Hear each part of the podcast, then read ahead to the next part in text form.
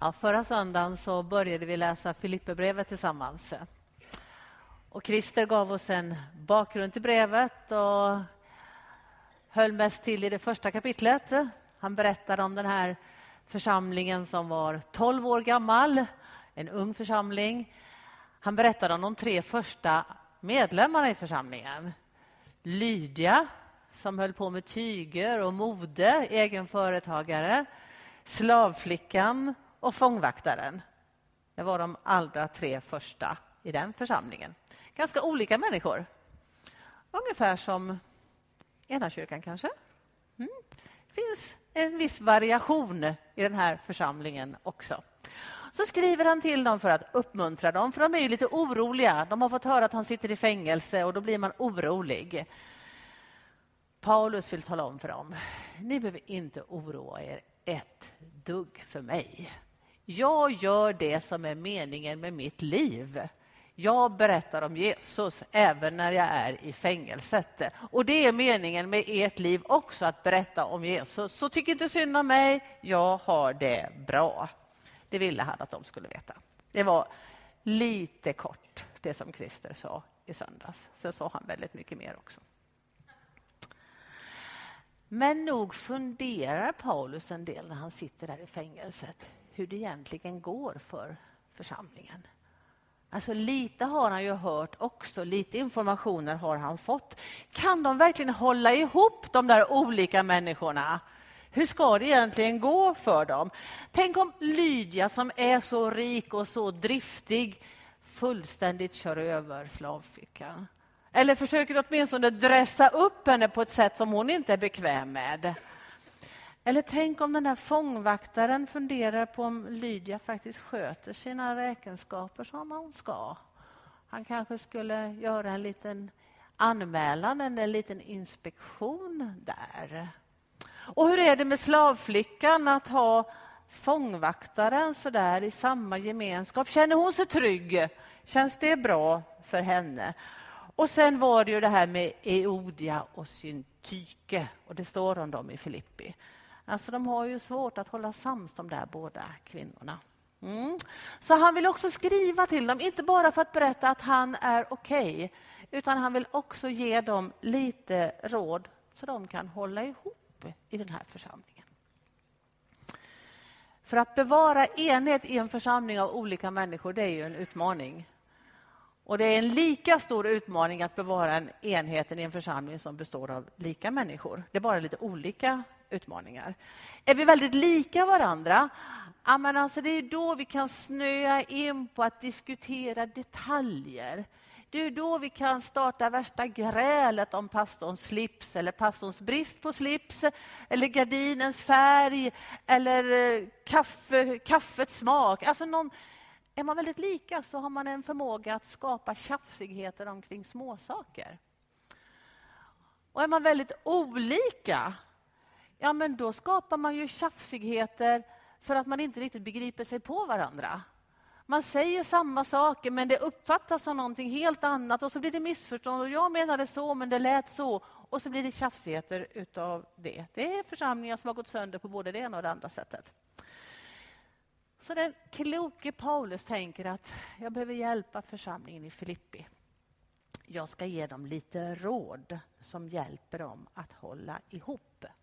Och hans råd gäller egentligen inte bara en församling utan det kan tillämpas på vilken gemenskap av människor som helst. Ett arbetslag, eller en familj eller ett kompisgäng eller ja, överallt där vi har med människor att göra. För vi riskerar ju allihopa att clincha ibland, irritera oss på folk och så blir det tjafs. Eller hur? Ja, några i alla fall. Då går vi till texten, Filipperbrevet kapitel 2. Vi börjar med den första versen. Och Där står det så här. Om det alltså finns tröst genom Kristus, uppmuntran från kärleken och gemenskap med Anden, om det finns ömhet och medkänsla. Den här meningen är lite svår att förstå. Om det finns. För visst finns det väl tröst och uppmuntran och kärlek och medkänsla? Eller är det så att det finns en förfärlig massa människor över hela vår jord och i Enköping och förmodligen i ena kyrkan också som under perioder av sitt liv ställer den frågan. Finns det verkligen tröst? Finns det verkligen medkänsla? Finns det någon människa som faktiskt bryr sig om mig? Jag tror det. De två sista åren har jag mött flera människor som har uttryckt så. Finns det någon som bryr sig om hur jag har det? Jag tror vi alla kan hamna där. Kanske är du där idag. Då vill jag tala om för dig att den här versen som börjar med ordet om, det ordet kan lika gärna översättas med eftersom. Och då blir det som en annan klang. Eftersom det finns tröst, eftersom det finns gemenskap, eftersom det finns ömhet och medkänsla. Eftersom. Så det finns hopp, det finns allt det där. Och är du just nu i en period där du undrar om det finns, eh, så vill jag säga det till dig. Det finns hopp. Det finns tröst. Det finns gemenskap och det finns medkänsla. Så ge inte upp, eh, för det finns eh, och det är värt att sträva efter. Och Paulus menar att eftersom det faktiskt finns och eftersom det faktiskt är så viktigt och så dyrbart för oss så är det just detta vi behöver kämpa för att bevara. Och i vers 2, 3 och 4 så ger han oss receptet på hur vi kan få bevara trösten, medkänslan, kärleken. Och då skriver han så här. Gör då min glädje fullkomlig genom att visa enighet. Lev i samma kärlek, eniga i tanke och sinnelag, fria från själv, självhävdelse och fåfänga. Var ödmjuka och sätt andra högre än er själva. Tänk inte bara på ert eget bästa, utan också på andras. Håll sams, säger Jesus, eller säger Paulus. Håll sams. Bevara enheten, för då får ni en miljö där medkänslan, trösten, hoppet, kärleken kan växa. Börja strida och bråka och medkänslan och samhörigheten och hoppet och trösten kommer garanterat att försvinna.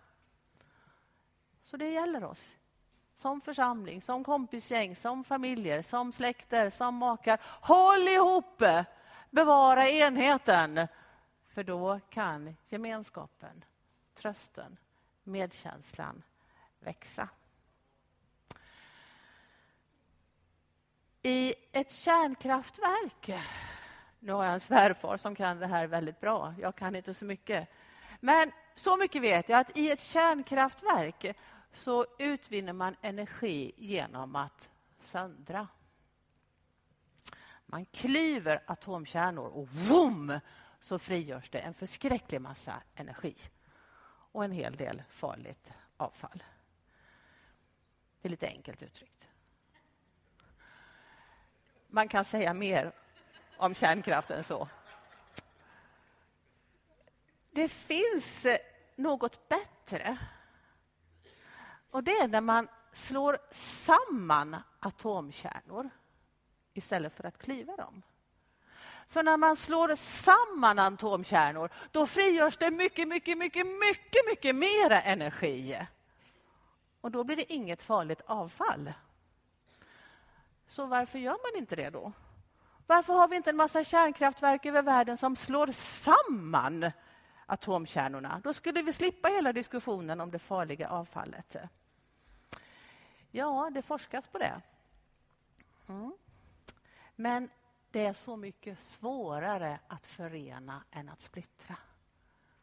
Det är så mycket svårare. Det är en mycket enklare väg att gå att splittra än att förena. Det är så svårt med enighet och samhörighet. Och det är så lätt med tjafs och stridigheter.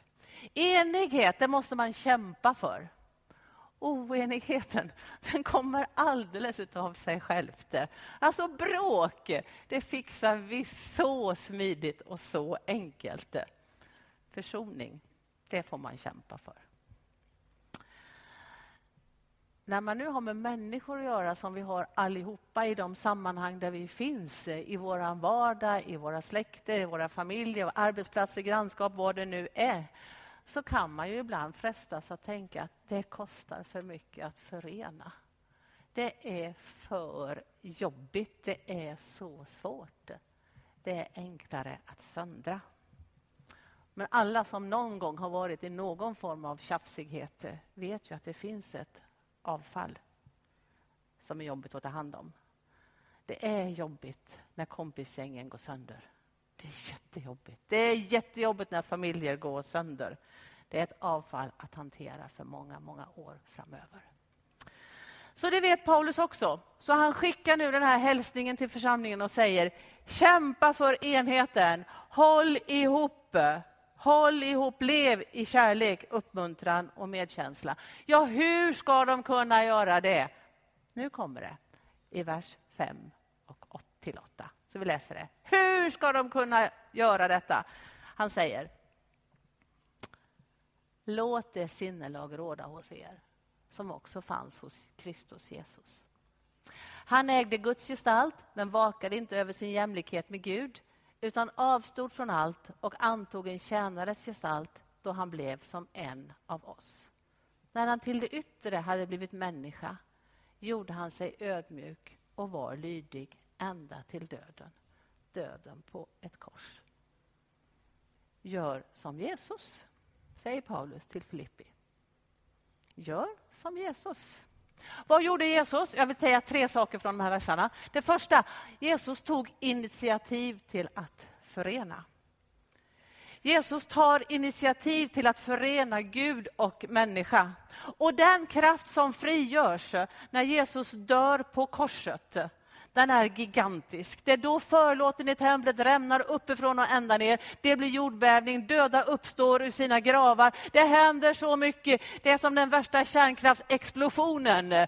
Fast nu är det en explosion av när saker och ting förenas, inte när någonting splittras. För när himmel och jord ska förenas, då frigörs det energi. Det gör Jesus. Han tar initiativ till att detta ska bli möjligt. Nu behöver inte längre en helig Gud och en syndig människa leva långt ifrån varandra. Nu kan de förenas.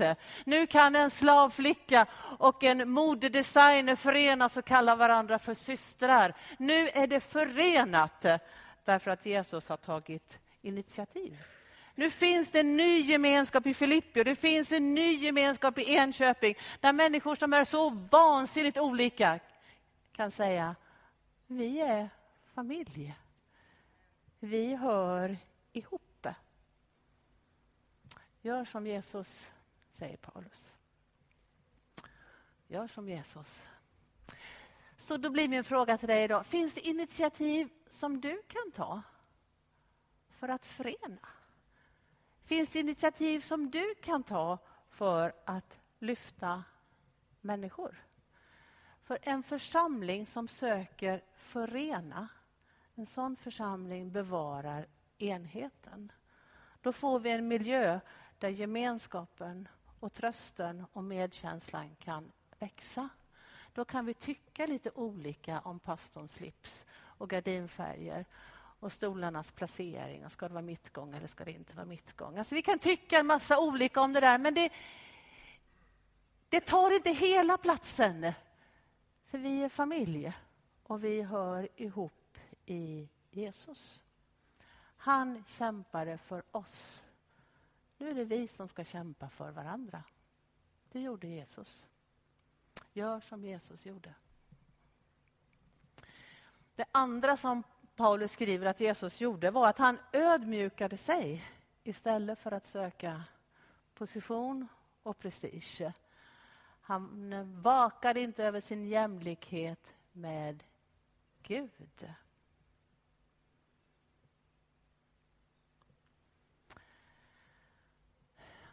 Sköldpaddor är inte så bra på att flyga. Och de flesta sköldpaddor har inte något problem med det. Utan de är någonstans okej okay med det. Men den här sköldpaddan hon drömde om varmare länder. Hon ville flyga dit det var varmt och där det var skönt och god sand att krabbla runt på. Det drömde hon om. Så fick hon en idé. Hon tänkte att jag har ju starka käftar. Om jag biter ihop om en pinne och så ber jag två starka fåglar att ta den andra delen av pinnen så kan de flyga och så hänger jag där i mina starka käftar så kan de bära mig när de flyger söderöver. Det är ju en strålande idé. Och den fungerade. Och sköldpaddan var så lycklig när hon hängde där och tänkte snart kommer jag till solen och värmen. Och folk tittade upp och wow, så där kan man också göra. Undra vem som har kommit på den smarta idén. Det måste vara en väldigt klok som har hittat på detta. Och när sköldpaddan hörde detta så tänkte hon, hmm, det var jag som kom på det. Hmm. De kanske skulle behöva veta att det var jag. Så till slut så blev frestelsen så stor så hon kände jag måste ropa ner. Det var jag! Det var jag som kom på det! Och så ramlar hon ju pladask ner. Ja prestige och självhävdelse. Hon hade ett mål att flyga söderöver, men längtan efter bekräftelse och längtan efter ära blev så stor att hon missar hela målet. Jesus har ett mål. Han vill rädda människorna, han vill rädda mänskligheten, han vill rädda världen. Det var hans ambition. Och därför lämnar han himlen. Han blir ofta frestad att ta genvägar. Han blir erbjuden att bli en politisk ledare. Eh, han, han blir erbjuden att få position och makt och inflytande. Men han vet, ska jag göra det, då kommer jag att missa det stora målet. Och mitt mål, det är att rädda människor, ingenting annat. Och därför så avstår han ifrån position, han avstår ifrån prestige, han avstår ifrån ära, han avstår ifrån makten. Han blir en av oss och är lydig in till döden på ett kors. Han klättrar neråt istället för att klättra uppåt för att nå sitt mål. Gör som Jesus, säger Paulus till församlingen i Filipp. Gör som Jesus vi lever ju i en väldigt individualistisk tid. Det handlar ju jättemycket om mig och mitt, om att vi ska, jag ska lyckas och jag ska ha det bra och det ska gå framåt. Vad annorlunda det är med Jesus. Jesus tänker, de ska räddas. De ska lyckas. De ska få en framtid. De ska få en gemenskap med Gud. De ska få tröst, de ska få uppmuntran, de ska få medkänsla, de ska få kärlek. Och därför gör jag det här. Det är medicinen för alla gemenskaper som vill hålla ihop. Att det är de som ska lyckas, inte jag. Det är de som ska få gemenskap. Det är de jag ska ge hopp. Det är de jag ska ge tröst. Det är de jag ska betjäna, inte mig själv. Att avstå från position, att klättra neråt istället för att klättra uppåt. Det är medicinen. Att kavla upp ärmarna och börja jobba och börja tjäna istället för att eh, gnälla och klaga på allting. Det är inte fel att ha ambitioner, inte på något sätt. Det är bra att vilja någonting.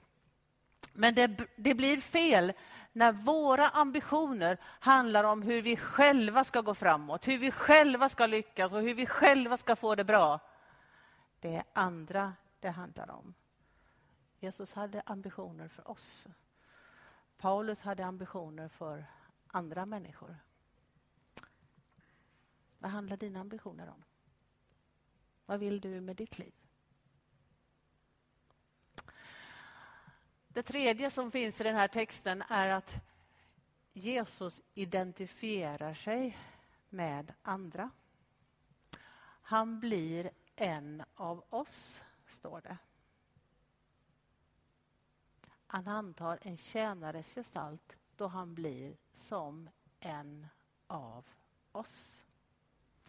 Det första Jesus gjorde var att han tog initiativ till att förena. Det andra var att han avstod ifrån position, avstod ifrån ära. Det tredje är att han identifierar sig med oss. Det sägs att du aldrig kan bedöma en människa förrän du har gått en mil i hans mockasiner. Alltså du kan aldrig förstå en människa förrän du vet lite grann om hur den har det. Och de flesta tjafsen handlar ju om att vi inte har riktigt begripit hur den andra människan har det. Jesus visste hur vi har det. Och han vet hur vi har det. Han identifierade sig så till den grad med oss att han avstår från himlen, kommer till jorden, lever här med oss i massor med år, tar på sin mänsklig kropp, har en, en tjänares gestalt. Han upplever hunger, han upplever utsatthet. Han upplever hur det är att det inte finns tröst. Han upplever hur det är att vara hotad, han upplever hur det är att vara på flykt. Han vet vad livet handlar om. Han upplever ensamhet, han upplever brist på gemenskap, han upplever brist på medkänsla. Han upplever allt det där som vi så gärna vill ha. Han har testat hur det känns. Så han förstår faktiskt dig. Han har gått i dina skor och vem vet vad du går igenom. Det här, säger Paulus, är vad vi ska göra som lever i gemenskap. Vi som lever i familjer, i församlingar, i kompisgäng, i arbetslag. Identifiera oss med andra.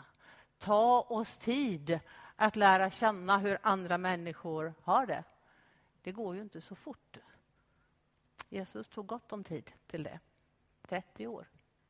Jag tror att det är ett ganska bra råd till oss i ena kyrkan också. Om vi ska bevara enheten behöver vi ägna tid åt att begripa oss på varandra. Då läser jag vers 9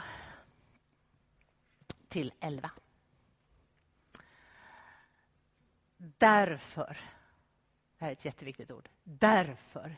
Därför har Gud upphöjt honom över allt annat och gett honom det namn som står över alla andra namn för att alla knän ska böjas för Jesu namn i himlen, på jorden och under jorden. Och alla tungor bekänna att Jesus Kristus är Herre, Gud Fadern till ära.